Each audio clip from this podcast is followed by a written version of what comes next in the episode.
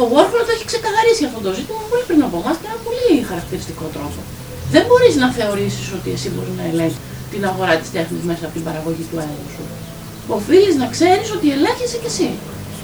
Έχοντας λίγες, αν θες, δυνατότητες και αυτές έχουν να κάνουν με την ευθύνη που εσύ παίρνεις για την πράξη σου. Εκεί, εκεί, είναι, εκεί περιορίζονται.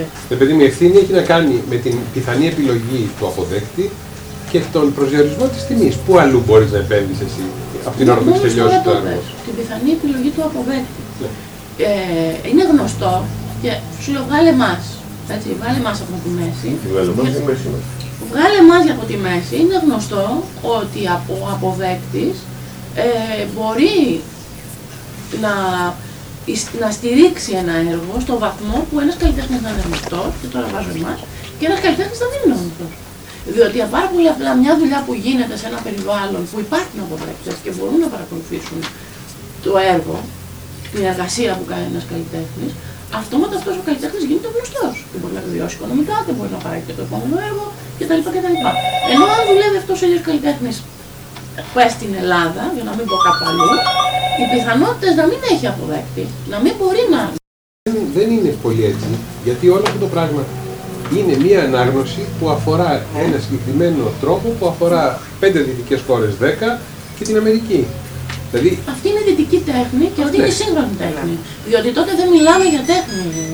Γιατί δεν μιλάμε για τέχνη; Αν αυτή τη στιγμή ήσουν στην Ινδία, στην Αν αυτή τη στιγμή ίσω στην Ινδία δεν θα στάχωνε ένας μαχαραγιά, δεν θα έκανε μια χαρά τα έργα σου Όχι, και θα έχεις Να μην προβάλλουμε το, στο, ναι. το χαρακτήρα σύγχρονης ε, τέχνης, αν θες τον προσδιορισμό της σύγχρονης τέχνης, σε φαινόμενα που δεν έχουν παραχθεί Τώρα. σε αυτό το περιβάλλον.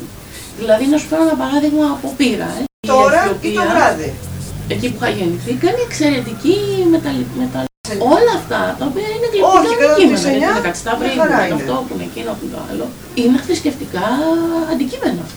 Είναι κοινό πιστών. Mm. Δεν φτιάχνονται με τον τρόπο που φτιάχνει η. Τι να σου πω, ένας μεταλλουργός σύγχρονης τέχνης, ανάλογα αντικείμενα.